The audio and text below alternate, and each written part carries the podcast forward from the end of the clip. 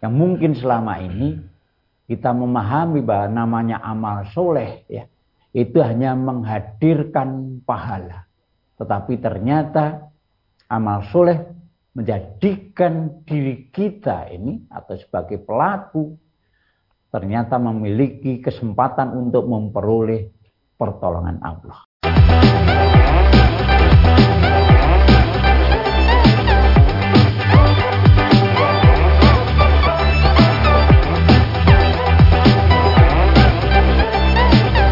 Puji syukur Alhamdulillah senantiasa kita panjatkan kehadirat ilahi Rabbi Allah Subhanahu Wa Taala atas genap karunia dan juga rahmat yang kita semua di perjumpaan awal aktivitas pagi hari ini. Kita jumpa kembali di program unggulan Fajar Hidayah dan Alhamdulillah kita sudah terhubung dengan Ustadz Dr. Andes Imut Khairi MSI yang nanti akan melanjutkan pelajaran sekaligus memberikan pencerahan untuk kita semua di kesempatan kali ini. Assalamualaikum warahmatullahi wabarakatuh Ustadz. Waalaikumsalam warahmatullahi wabarakatuh Mas Tommy. Ya. Kabar baik dan sehat pagi ini Ustaz. Alhamdulillah. Gimana teman-teman di studio? Alhamdulillah baik semua Ustaz. Ya. Dan pemirsa nanti bisa bergabung bersama kami di line telepon 02716793000, SMS dan juga di WA kami di 08 11 Kita simak pelajaran kita di pagi hari ini. Silakan Ustaz. Assalamualaikum warahmatullahi wabarakatuh. Alhamdulillahilladzi an'amna bil iman. Bahadana lil islam wa ja'alna muslimin. Wa arsala rasulahu bil huda wa dinil haq liyudhhirahu ala dini kulli walau karihal kafirun Asyhadu an la ilaha illallah wahdahu la syarikalah wa asyhadu anna Muhammadan abduhu wa rasuluhu amma ba'd. Qala Allah ta'ala bil Qur'anul Karim, a'udzu billahi minasyaitonir rajim. Wal 'asri innal insana lafi kusrin illa laladzina amanu wa amilu sholihati wa tawassaw bil haqqi wa tawassaw bis sabr. Wa khairun nas mantola umruhu wa hasuna amaluhu. Bapak Ibu dan sekalian yang insya Allah dimuliakan Allah. Pecinta program unggulan Pacar Hidayah. Ya. Alhamdulillah atas izin dan nikmat Allah. Kita masih diberi suatu nikmat yang luar biasa besarnya.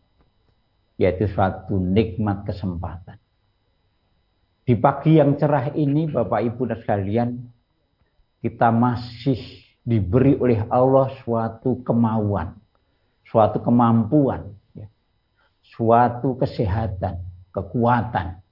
Sehingga kita bisa hadir pada forum yang mulia ini dalam rangka untuk melakukan ya peningkatkan kualitas keilmuan kita tentunya nanti kita jadikan sebagai dasar untuk mengamalkan syariat-syariat secara benar. Maka mari kita syukuri nikmat pada pagi hari ini dengan senantiasa fokus, senantiasa meningkatkan kualitas konsentrasi kita dalam taklim, sehingga apa yang kita bahas pada pagi hari ini betul-betul kita bisa pahami dan kita bisa mengoptimalkan usaha untuk merealisasikan dalam kehidupan sehari-hari. Bapak Ibu dan saudara sekalian yang insya Allah dimuliakan Allah, penyimak Fajar Hidayah yang insya Allah eh, senantiasa dibimbing oleh Allah. Pagi hari ini kita akan bahas lanjutan materi yang kemarin. Ya. Bagaimana kita senantiasa dalam hidup ini sebagai seorang muslim, muslimat. Kita senantiasa memproduk amal soleh. Sebagai realisasi sebagai perwujudan manifestasi kita sebagai seorang hamba yang senantiasa harus mengabdi, yang senantiasa harus beribadah kepada Rob kita, yaitu Allah, dalam bentuk amal soleh.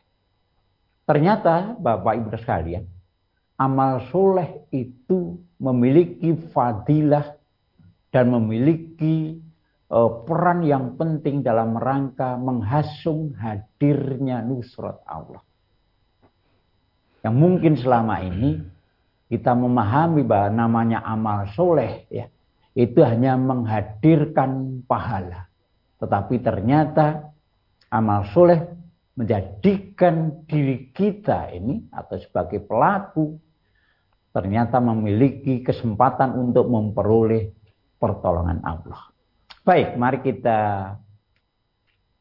uh, bahas Kita mulai dari taklim Bapak Ibu sekalian. Karena amal soleh ya suatu amal dikatakan amal soleh nanti jika pelakukan pelakunya adalah seorang mukmin atau muslim ya muslimat kemudian didasari dengan ilmu maka kita mulai dari at-taklim ya at-taklim Bapak Ibu sekalian ketika kita membahas taklim maka unsur-unsur taklim ini harus kita perhatikan. Ya, apa yang kita pelajari adalah ilmu yang benar. Dalam agama Islam ilmu yang original, ilmu yang ori, yaitu Quran Sunnah. Taraktu fikum amroini lang tadilu ma masaktum bihima kitaballahi wa sunnatan nabi. Telah aku tinggalkan dua perkara Ya. Sekali-kali kamu tidak akan tersesat selama berpegang teguh keduanya, yaitu Quran Sunnah. Ya. Di samping ilmu yang ori, ilmu yang original, ilmu yang benar, masih disyaratkan ya dalam kita melakukan taklim harus memiliki keseriusan. Ya, baik keseriusan al-juhdu, keseriusan dalam merencanakan namanya al-istihad keseriusan dalam kehadiran fisik kita yaitu al-jihad maupun keseriusan yang lain dalam bentuk mujahadah. Maka syarat mujahadah, keseriusan secara totalitas harus kita lakukan. Di samping itu ada kekontinuan, ada suatu progresif, ada peningkatan dalam setiap aktivitas yang kita lakukan terkait dengan taklim ini, yaitu dengan istiqomah. Kita harus nidom, kita harus senantiasa disiplin, kita harus senantiasa tertib aturan, kita harus senantiasa prosedural dalam taklim itu. Di samping itu masih kita harus senantiasa teratur reguler dalam melakukan suatu aktivitas taklim. Inna Allah yuhibbul ladina yuqatiluna fi sabilihi soffan ka'annahum bunyan marsus. Allah sangat senang. Allah mencintai hambanya yang berperang yang saat itu dia lakukan secara teratur ya, secara tertib seperti barisan-barisan yang tertib. Artinya kita lakukan secara manajemen yang profesional. Nah, baru kita lakukan namanya muhasabah dari apa yang kita lakukan dalam Eh, prosesi pelaksanaan taklim itu. Nah, kalau pelajaran pondok Bapak sekalian, unsur utama itu di saat katakan lantana mal ilma illa bisitati. Kamu tidak akan bisa memperoleh ilmu yang benar, ilmu yang totalitas. Ya, jika kamu tidak menggunakan enam hal ini. Artinya inilah syarat yang harus kita siapkan dalam taklim itu. Yang pertama adalah dakiun, kecerdasan kita. Bagaimana kita meminit uh, aktivitas kita, meminit organ tubuh kita dalam taklim ini. Cerdas didefinisikan yang namanya jenius. Itu adalah seseorang yang melakukan aktivitas sensitif, responsif, akomodatif, akseleratif, akuratif. Seseorang yang senantiasa peka terhadap permasalahan. Senantiasa yang seseorang yang melakukan tanggap ya terhadap situasi kondisi. Apa yang dipekakan, apa yang ditanggapi tadi kemudian diakomodasikan, dipolo api secara cepat dan tepat. Maka seorang mukmin mukminat yang melakukan taklim senantiasa menggunakan kualitas akalnya untuk bisa taklim secara benar. Baru muncul khirsotun, spirit yang tinggi, kemudian kesabaran dalam prosesi pelaksanaannya, butuh dana, butuh guru atau ustadz, dan waktunya adalah panjang. Kita taklim yang benar.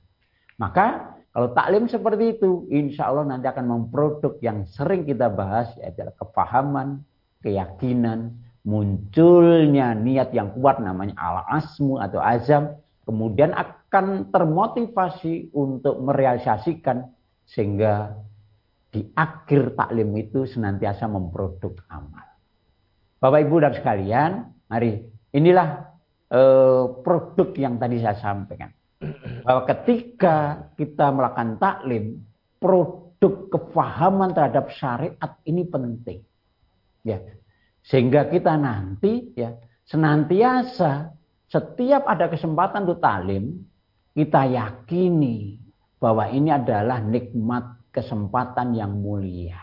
Fursatul majidah untuk kita yang Allah berikan pada kita ya melalui majelis kita atau melalui forum-forum keilmuan kita. Ya. Ini merupakan suatu kesempatan. Produknya dari kepahaman apa? Nanti akan muncul ketundukan dan kepatuhan. Akan muncul ketaatan, akan muncul keprasa, kepasrahan, akan muncul namanya sarkus soderu, lapang dada. Nah kemudian dari situ nanti Pak Ibu akan muncul namanya kata sami'na wa atokna. Ya, kadang-kadang muncul kata labaik ya Allah ya Rasul. Akan muncul siap laksanakan, sentiko dawu dan seterusnya. Ya.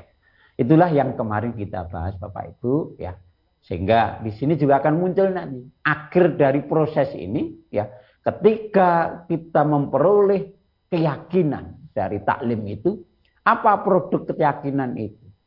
Kita senantiasa memahami betul meyakini bahwa syariat ini ya adalah produk Allah. Dalam artian ini adalah dawuh Allah. Dengan melalui makrifatullah kita mengenal Allah. Allah adalah maha dari segala maha. Nah, Allah maha dari segala maha kemudian memfirmankan sesuatu. Sementara kita memahami inna asdaqol hadisi kitabullah. Bahwa sesungguhnya sebenar-benar ucapan itu adalah firman Allah. Sehingga apa yang difirmankan Allah pasti benar. Apa yang difirmankan Allah pasti sesuai, kemudian cocok, kemudian bermanfaat bagi kita. Sehingga produknya nanti kita betul-betul yakin Bapak Ibu sekalian. Kita betul-betul tidak ragu-ragu. Kita betul-betul lapang dada. Sampai kelasnya kita mantap betul. Terhadap syariat ini.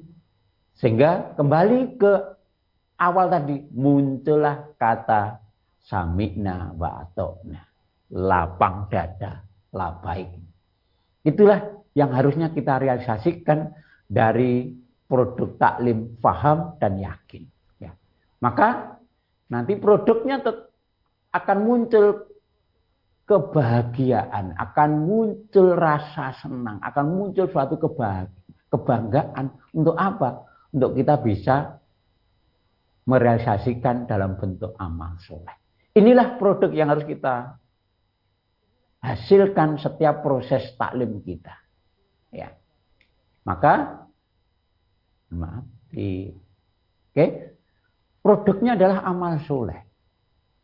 Ya. Amal soleh itu apa Bapak Ibu kita bahas sedikit biar kita lebih paham. Ya. Amal soleh itu adalah suatu aktivitas ya, yang baik, yang bermanfaat bagi diri kita maupun orang lain. Ya. Kemudian yang dilakukan oleh seorang muslim muslimat. Ya. Kemudian ditambahi dengan ikhlas karena Allah berdasarkan ilmu. Hasilnya ada ittiba'ur rasul. Maka itu yang harus kita lakukan. Maka kalau amal soleh, ketika kita diberi kesempatan untuk amal soleh, hati kita senantiasa lapang dada. Kemudian segera kita lakukan. Karena kalau tidak segera kita lakukan, nanti muncul bisikan dari lain, yaitu bisikan setan CS, yang bentuknya adalah berlawanan dengan apa yang kita mau siapkan. Maka dalam salah satu hadis dikatakan, Inna fi qalbi lamatani. Sesungguhnya dalam hati itu terdapat dua bisikan yang senantiasa berkompetisi untuk mempengaruhi hati kita. Ya, lamatun minal maliki wa lamatun minal adu. Satu bisikan dari malaikat, bisikannya bentuknya adalah amal amar ma'ruf nahi mungkar ya. Kemudian bisikan yang lain adalah bisikan dari lawannya, artinya dari setan CS. Bentuknya ya bisikannya bentuknya adalah ya amar ya munkar nahi ma'ruf kebalikannya gitu. Maka ketika kita memperoleh bisikan dari malaikat, yakinilah itu dari malaikat kemudian laksanakan. Kalau bisikan dari setan, yakin itu adalah bisikan dari setan, kemudian ta'awud tinggalkan. Artinya kata segera ini kita harus ber, berpacu dengan waktu, berpacu dengan lawan bisikan kita. Maka dalam Quran ya muncullah kata infiru kifafa wa Bersegeralah berangkatlah baik dalam keadaan berat atau ringan, dalam keadaan longgar atau sibuk. Di hadis banyak bakiru bi amali soleh, badiru bi bi amali soleh. Bersegeralah, berpagi-pagilah. Sampai dalam satu makalah, la tu akhiruka amalan jauh illa Jangan kamu tunda amalan hari ini kamu lakukan besok. Karena besok tidak ada jaminan kita sampai atau tidak.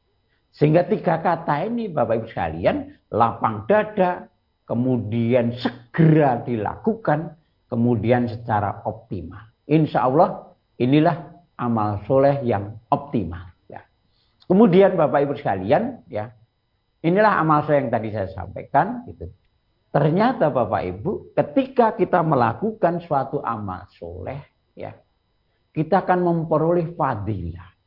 Ini yang sering atau dan banyak dipahami. Yang pertama adalah pahala. Kalau kita melakukan suatu amal soleh, kita akan memperoleh pahala. Ya. Ketika kita melakukan amal soleh, ya, kalau kita tidak memperoleh pahala, maka kita akan memperoleh derajat kemuliaan. Ya, derajat kemuliaan.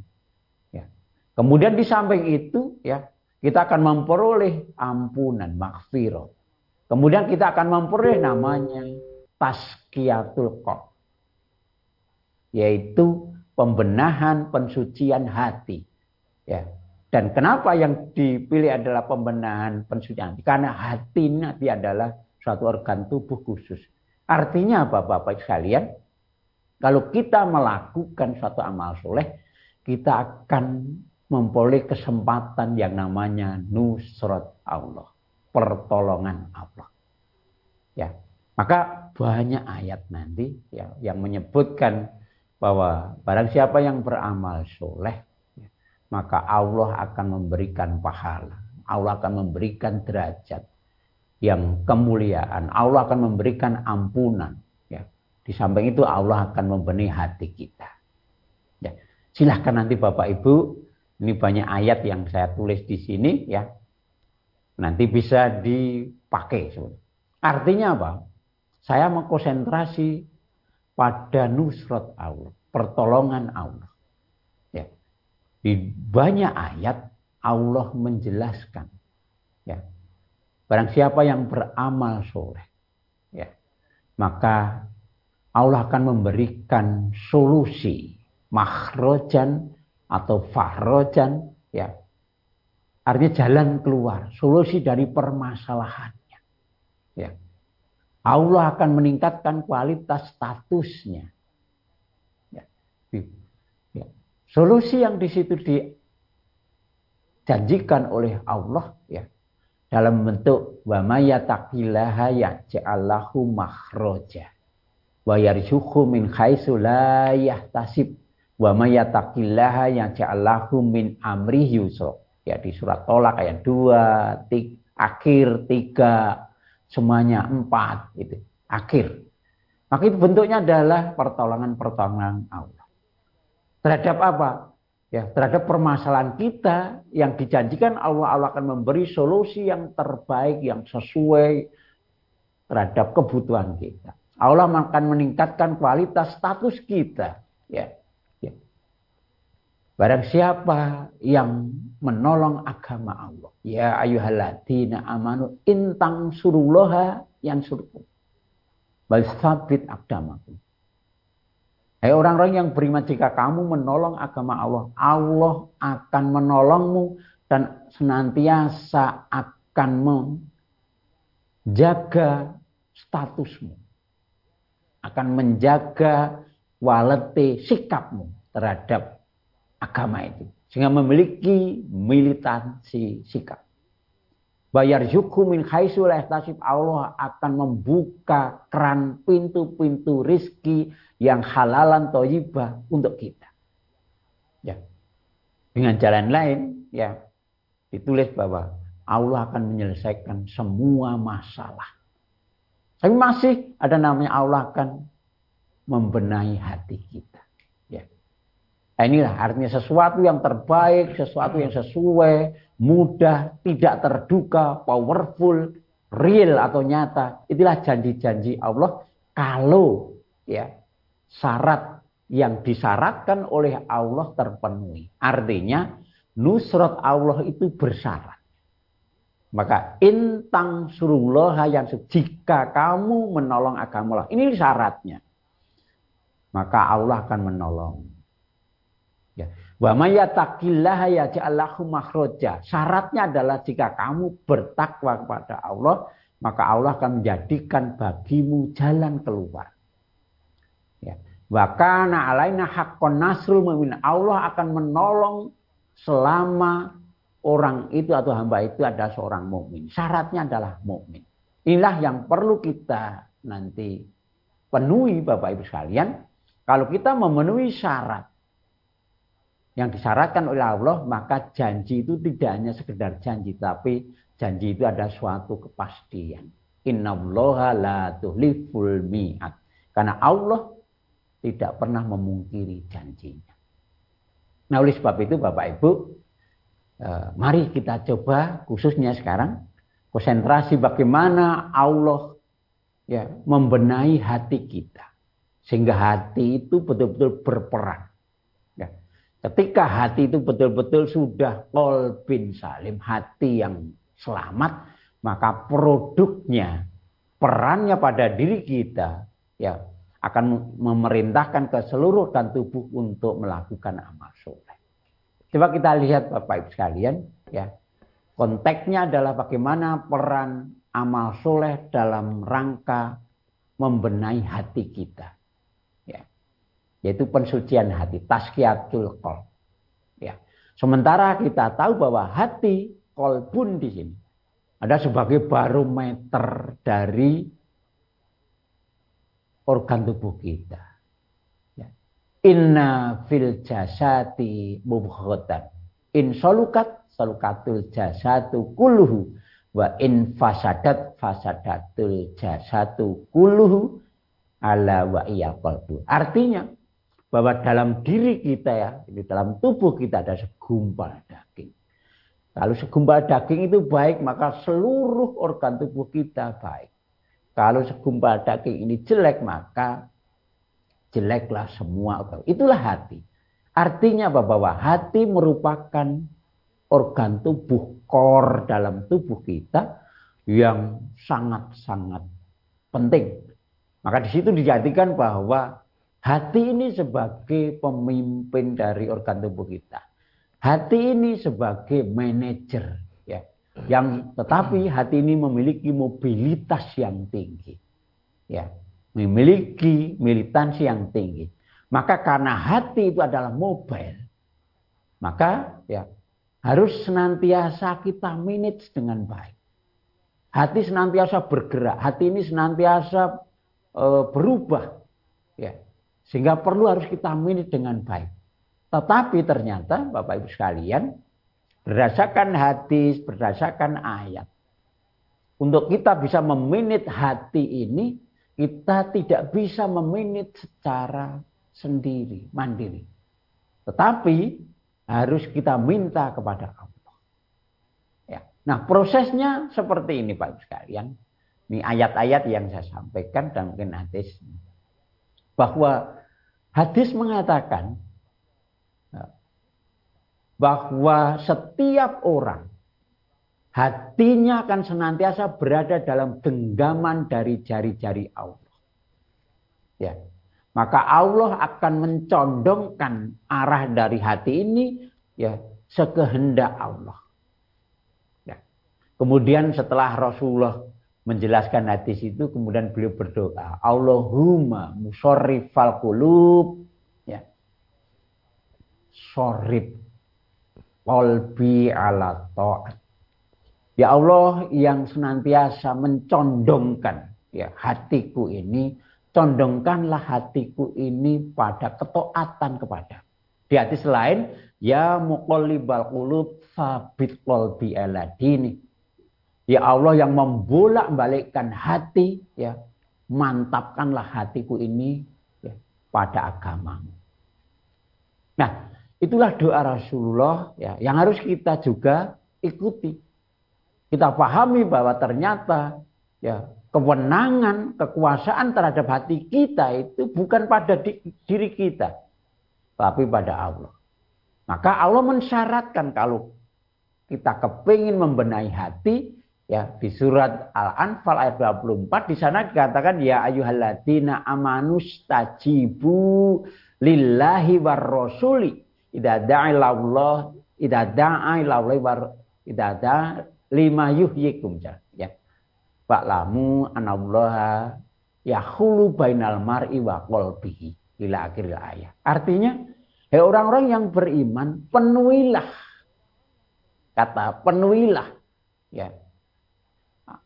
Seruan Allah kalau Allah menyeru kepada kehidupan yang lebih hidup. Artinya bahwa syarat untuk kita bisa memperoleh ya hak untuk membenahi hati kita itu adalah kita harus melakukan suatu syariat. Ya, inilah yang tahapannya. Ya, syaratnya itu. Yaitu kita harus melakukan syariat atau mengamalkan syariat. Syariat Allah. Nah, sedangkan syariat itu Bapak sekalian suatu syariat yang diberikan Allah pada kita itu senantiasa akan meningkatkan kualitas pelakunya untuk mendekatkan diri pada Allah. Setiap syariat, syariat apa pun, akan senantiasa menjadikan pelakunya itu meningkat kualitas penghambaannya, kualitas takorubnya pada Allah. Sibghat Allah. Wa man asanu minallahi sibghah sampai muncul sikap banahnu lahu abidun. Setiap orang yang mengamalkan suatu syariat akan muncul suatu sikap bahwa kami ini adalah hamba Allah. Bahwa kami ini adalah hamba Allah yang harus senantiasa menghambakan diri pada Allah. Sehingga meningkat derajat pendekatan diri pada Allah. Nah kalau sudah sampai pada di situ, maka kita akan senantiasa melakukan amal soleh yang tadi saya sebut. Nah, amal soleh itu ternyata sebagai prasyarat untuk pertolongan Allah. Salah satunya dalam meningkatkan kualitas uh, hati kita, ya, militansi hati kita. Ketika kita berdoa ya muqallibah qulub sabit qalbi ala dini, ya. Mantapkan hatiku ini dalam agamamu, maka muncullah ayat ya ayuhalladzina amanu intang suruloh yang surkum wa yusabit agamakum. Allah akan mensabitkan, Allah akan e, memantapkan hati kita ini. Prosesnya nanti silakan dilihat di surat An-Nisa ayat 66. Di sana dikatakan bahwa jika kamu melakukan apa yang diperintahkan kepadamu, apa yang kamu ketahui, kamu pahami dari syariat itu, maka di situ khairul lahum wa asyaddu tasbita. Maka kamu akan memperoleh pahala dan di situ nanti Allah akan memantapkan ya, pendirianmu dalam agama ini. Artinya bahwa Allah sudah mulai memenuhi eh, apa yang di, kita doakan yaitu meningkatkan kualitas kemantapan hati kita untuk agama ini. Proses itu Kemudian sampai nanti pada proses betul-betul kita punya militansi sikap. Ya. Ketika suatu saat kita menghadapi masalah, kita akan senantiasa sikap yang terbaik, yaitu sikap yang senantiasa ya berorientasi pada akidah, yaitu Allah saja yang mampu menolong kita. Hanya Allah ketergantungan kita, tawakal kita pada Allah saja. Itulah militansi yang diproduk oleh eh, hasil amal soleh kita, yaitu pertolongan Allah. Maka oleh sebab itu Bapak Ibu sekalian, mari kita mantapkan betul eh, keilmuan kita terkait dengan syariat-syariat ini, kemudian kita amalkan. Nah dari amal soleh itu kita akan memperoleh janji Allah yang menjadikan kita menjadi hamba yang betul-betul e, memiliki akidah yang kuat, ibadah yang kuat, yang benar, akhlak yang benar dan militansi serta kebahagiaan hidup di dunia ini. Mudah-mudahan bisa dipahami Mas Tommy yang dijadikan sebagai e, sarana atau ilmu ya bahan untuk kita diskusi. Terima kasih. Ya, baik pemirsa kami harapkan Anda bisa bergabung bersama kami di line telepon 02716793000, SMS dan juga di WA kami di 08112553000. Namun sebelumnya kita akan simak beberapa informasi dalam rangkaian jeda pariwara berikut ini. Baik saudaraku pemirsa channel terpilih MTA TV di mana pun Anda berada, terima kasih Anda masih setia bersama kami khususnya di program unggulan Fajar Hidayah pagi ini. Kesempatan pertama kami persilahkan di line telepon 02716793000. Halo, Assalamualaikum. Halo, Assalamualaikum. Halo, Assalamualaikum. Waalaikumsalam warahmatullahi wabarakatuh. Dengan siapa di mana Ibu? Dengan Bu Umar di Telanggu. Silakan Ibu Umar. Ya, terima kasih. Assalamualaikum Bang. Assalamualaikum Pak Ustaz. Waalaikumsalam warahmatullahi wabarakatuh Bu Umar. Monggo. Ini Ustaz, sholat Jumat bagi wanita-wanita Ustaz. Di masjid sama di musola pom bensin sama di rumah. Itu yang beda gimana? Itu mohon dijelaskan Ustaz. Soalnya dulu kalau masih ada suami kan ikut masjid suami di depan, di belakang. Kalau ini suami sudah meninggal, dia saya kan keliling jualannya Ustaz. Kadang bisa mampir di pom bensin musola pom bensin, kadang di masjid, gitu Ustaz, kadang di rumah. Itu aja Ustaz. Terima kasih. Wassalamualaikum warahmatullahi wabarakatuh. Waalaikumsalam warahmatullahi wabarakatuh. Mohon maaf Mas Tommy diulangi kurang begitu jelas. Ya. Jadi Bu Umar ini aktivitasnya jual keliling dan mohon petunjuknya untuk sholat Jumat bagi wanita yang sholatnya ada di masjid kadang juga di musola SPBU dan kadang pula di rumah. Bagaimana yang demikian Ustaz?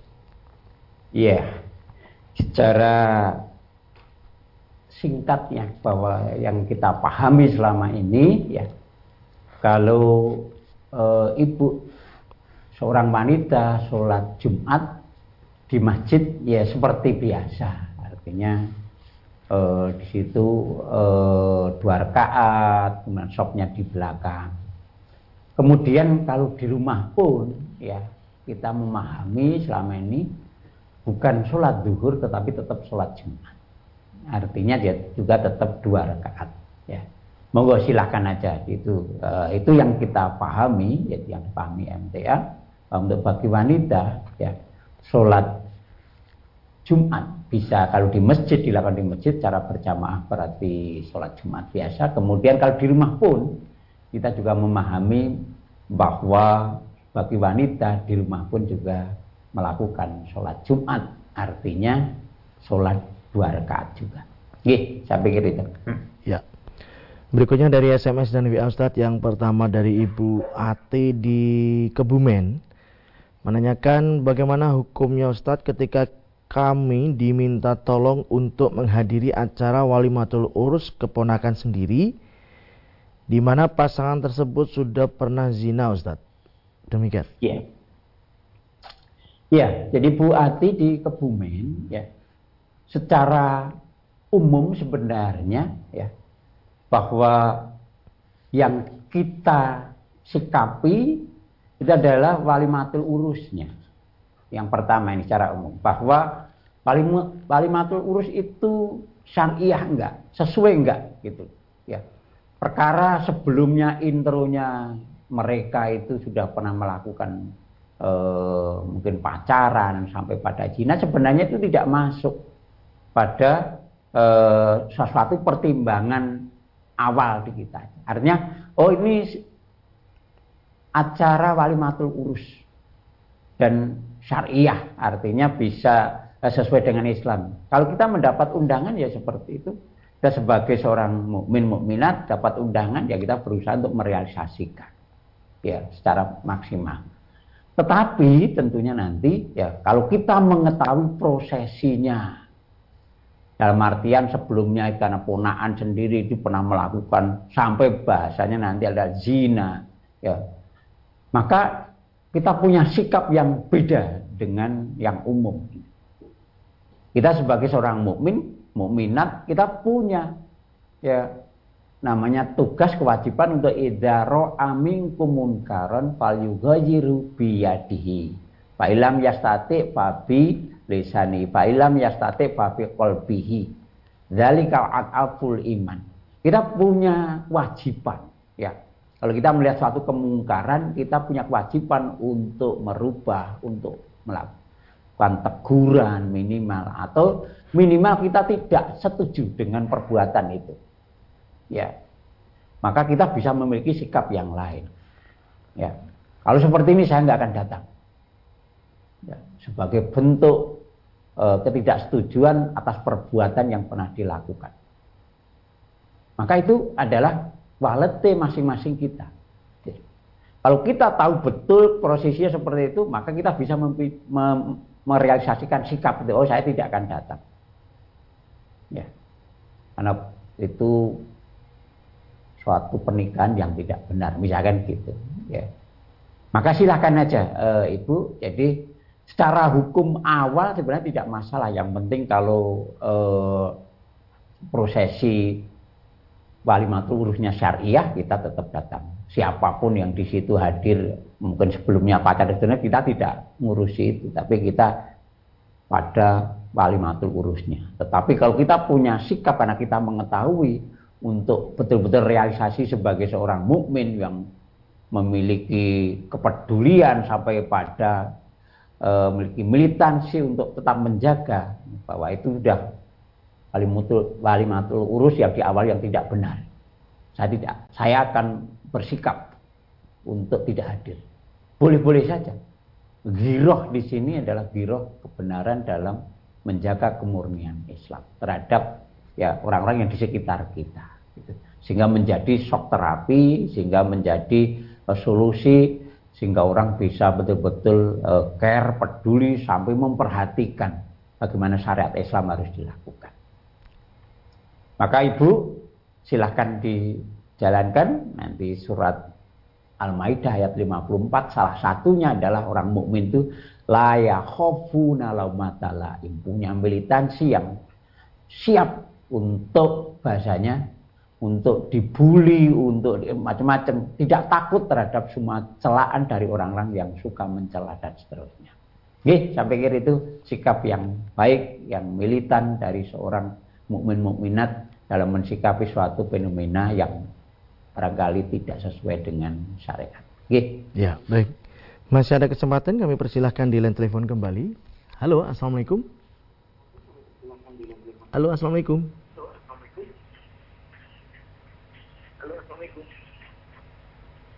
Halo, Assalamualaikum. Waalaikumsalam warahmatullahi wabarakatuh. Ya, silakan. Dengan Bapak siapa di mana? Bapak siapa? Dari Pak Haji di Palembang. Ya, silakan Pak Hadi di Palembang. Dari Pak Haji di Palembang. Ya, silakan Pak Hadi di Palembang. Assalamualaikum Pak Ustaz, Mas Tommy. Waalaikumsalam. Waalaikumsalam warahmatullahi wabarakatuh. Monggo Pak. Waalaikumsalam warahmatullahi wabarakatuh. Monggo Pak. Gini Pak Ustaz, Al-Quran itu kan kitabnya orang Islam. tapi bagi orang Islam sini tidak mau mentazabui isi Al-Quran tersebut. Apakah ini termasuk orang Islam yang fasik atau gimana Pak Ustaz? Bisa diulangi Bapak? Bisa diulangi Bapak? Quran itu yang kitabnya orang Islam, tapi Ya. tidak mau mentazaburinya. Iya. Nah, apakah ini termasuk orang yang memang fasik atau gimana Pak Ustaz? Iya. Apakah ini termasuk orang yang memang fasik atau gimana Pak Ustaz? Yang kedua, di masjid-masjid itu kan sudah banyak sajadah. Nah, tapi pada umumnya masih mau membawa juga dari rumah sajadah-sajadah itu. Apakah ini termasuk eh, orang yang mengada-ada Pak Ustaz? Mohon penjelasannya. Terima kasih. Wassalamualaikum warahmatullahi wabarakatuh. Waalaikumsalam warahmatullahi wabarakatuh. Jadi Pak Hadi nggih? Ya. Pak Haji. Jadi eh untuk kita saja ya, untuk kita mulai dari diri kita ya. Mari kita fahami sampai levelnya yakini bahwa Quran itu adalah petunjuk ya. Petunjuk yang benar dari Allah. Quran itu adalah ya salah satu referensi hidup kita. Ya, dikata dalikal kitabu la raiba fi hudalil mutaqi. Jadi petunjuk bagi orang mukmin. Maka mari sebagai seorang mukmin mestinya idealnya ya betul-betul memiliki Quran, kemudian yang kedua adalah mempelajarinya ya, kemudian memahaminya ya. Di sana dikatakan bahwa bahwa orang-orang yang diberi kitab suci kemudian di situ mengatakan bahwa wayat luna hakkotilawatihi yang betul yaitu orang-orang yang diberi al, eh, kitab ini yaitu Quran ini kemudian mereka mempelajarinya. Mereka membacanya secara benar. Sampai tahapannya kita disuruh untuk tadabur. Ya. Yaitu mempelajari dengan serius, menganalisis bahasanya, melakukan analisis terhadap ayat-ayatnya. Betul-betul kita memiliki kepedulian, kesungguhan untuk mempelajari. Sehingga ketika nanti kita mempelajari suatu uh, Quran ini betul-betul baik dari hati kita, secara batin maupun dohir kita, betul-betul kita persiapkan karena kita mempelajari firman Allah. Sehingga nanti akan muncul keberkahan. Ya. Di situ dikata kitabun angzalnahu mubarakul liyadabaru ayatihi waliyadakaro ulul albab. Quran ini adalah suatu kitab yang di situ penuh berkah ya. Akan memberikan keberkahan kepada orang-orang yang sampai mempelajarinya itu tahapan tadabbur. Mari kita lakukan ini Bapak Ibu sekalian sehingga kita nanti akan menjadi orang mukmin yang jelas arah hidup kita karena kita terguide atau kita terbimbing dengan Quran sebagai referensi hidup kita tentunya nanti ditambah dengan hadis. Ya. Kemudian yang terkait dengan sajadah ya. Ini masalah teknis saja ya. Monggo silahkan aja itu tapi yang yang perlu saya tekankan urusan sajadah ini mohon maaf bahwa Rasul menekankan pada sholat jamaah itu yaitu lurus dan rapatnya sok. Perlu dipahami banyak, mohon maaf di antara kita ketika sholat ke masjid itu bawa sajadah. Mohon maaf sajadahnya besar. Sehingga ketika di situ digelar di situ, maka seolah-olah shopnya, ya tempatnya seseorang tadi sesuai dengan satu sajadahnya tadi. Sementara sajadahnya besar, sehingga sajadah bisa menghalangi rapatnya. Ini yang perlu diperhatikan. Sehingga kita tetap harus mem, tetap harus menjaga kerapatan sop barisan sholat kita. Jangan sampai sajadah menjadikan kita tidak bisa merapatkan barisan. Itu berarti salah. Ya. Itu yang perlu dibenahi. Urusan bawah dan tidak itu masalah teknis saja.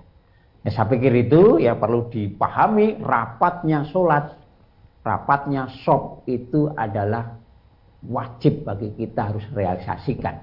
Maka tolong segala sesuatunya harus dipersiapkan termasuk sajadah harus diperhatikan. Ya, kalau kita ngeten Mas uh, Tommy. Ya. ya. Baik Ustaz, kami sampaikan terima kasih atas tausiah dan juga pelajarannya di pagi hari ini. Kita nantikan pelajaran berikutnya insya Allah Ustaz. Assalamualaikum warahmatullahi wabarakatuh. Waalaikumsalam warahmatullahi wabarakatuh. Baik saudaraku pemirsa channel terpilih MTA TV di mana pun Anda berada Demikian tadi telah kita simak dan ikuti bersama program unggulan Fajar Hidayah pagi ini.